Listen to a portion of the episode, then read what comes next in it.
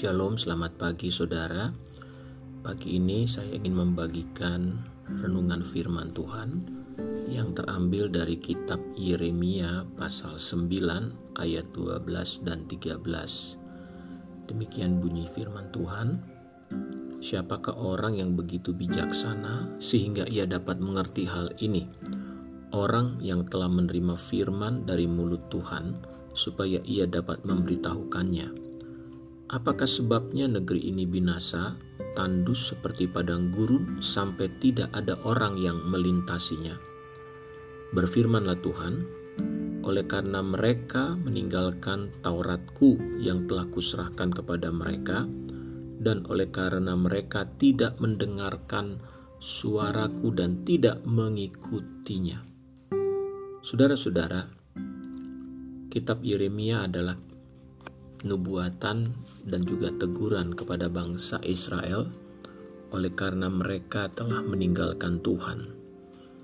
Dan firman Tuhan di pagi hari ini menyatakan bagaimana kehidupan bangsa Israel menjadi masyarakat atau bangsa yang mengalami ketandusan seperti padang gurun sehingga tidak ada orang yang melintasinya. Ini adalah gambaran rohani saudara, di mana ketika anak-anak Tuhan atau umat Tuhan meninggalkan Tuhan, mereka tidak lagi memperdulikan firman Tuhan di dalam hidup mereka, maka mereka akan mengalami satu kehidupan yang kering, kehidupan seperti di padang gurun, bahkan juga dikatakan mereka menjadi binasa mengalami kematian rohani atau kekeringan rohani yang luar biasa. Kenapa? Karena mereka meninggalkan firman. Mereka tidak lagi hidup di dalam firman, atau mereka hidup di dalam kehendak daging atau kehendak diri mereka sendiri. Dan tentu saja kehidupan yang demikian akan membuat kehidupan anak-anak Tuhan tidak mengalami kemenangan. Tidak ada sukacita dalam kehidupan mereka. Saudara-saudara, saya teringat dengan firman Tuhan yang ada di dalam kitab Mazmur pasal 1. Dikatakan orang yang berbahagia adalah orang-orang yang merenungkan firman Tuhan siang dan malam, sehingga mereka digambarkan seperti pohon yang ditanam di tepi aliran air yang akan berbuah pada musimnya. Saudara, jikalau saudara sedang mengalami satu kekeringan rohani pada saat ini, saudara sedang merasakan keadaan rohani yang tidak ada sukacita, tidak ada kebahagiaan. Pagi ini Tuhan berkata, biarlah engkau datang kepada Tuhan dan mulailah engkau membangun kembali hubunganmu dengan Tuhan dengan membaca firman Tuhan serta merenungkannya. Carilah kebenaran Tuhan di dalam Alkitab tiap-tiap hari. Temukanlah firman Tuhan, di mana lewat firman Tuhan saudara mendapat kekuatan yang baru. Bacalah firman Tuhan, bacalah Alkitab saudara dengan tekun. Berdoalah sebelumnya, mintalah Roh Kudus mengairi jiwa saudara dengan air yang segar yaitu firman Tuhan.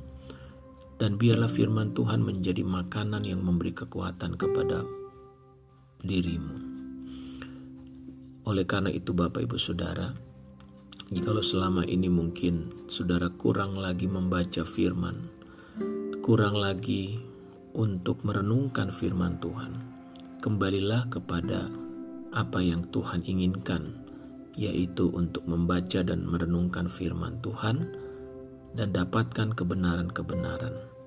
Roh Kudus pasti akan memberikan kekuatan kepada saudara, jiwa saudara akan disegarkan, hati saudara akan dipenuhi dengan pengharapan karena Alkitab adalah firman Tuhan yang memberikan janji-janji, memberikan jawaban-jawaban atas semua hal-hal yang ada dalam kehidupan saudara.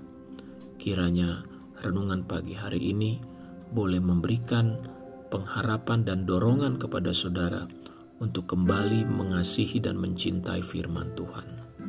Dan saya akan berdoa bagi saudara Kiranya Tuhan menolong saudara. Mari kita berdoa. Bapa di dalam sorga, terima kasih firman-Mu pagi ini mengingatkan kami betapa pentingnya kami terus menjaga hubungan kami dengan Tuhan dengan membaca, merenungkan, serta melakukan firman-Mu. Firman-Mu adalah pelita bagi kaki kami dan terang bagi jalan kami. Firman-Mu itulah yang selalu menyegarkan jiwa kami. Tuhan aku berdoa bagi anak-anakmu, umatmu yang sedang mendengarkan renungan firman Tuhan pagi ini. Tuhan ter Tuhan tolong mereka dan berkati mereka. Biarlah hati mereka yang sedang kering bagaikan padang gurun. Tuhan puaskan lagi, Tuhan segarkan lagi dengan firman Tuhan, dengan kuasa roh kudusmu, sehingga hati mereka kembali dipenuhi dengan kesegaran. Angkatlah Tuhan segala beban yang sedang menindih jiwa mereka dan kembalikan pengharapan di dalam Kristus bahwa Tuhan adalah Tuhan yang setia Tuhan adalah Tuhan yang tidak berubah.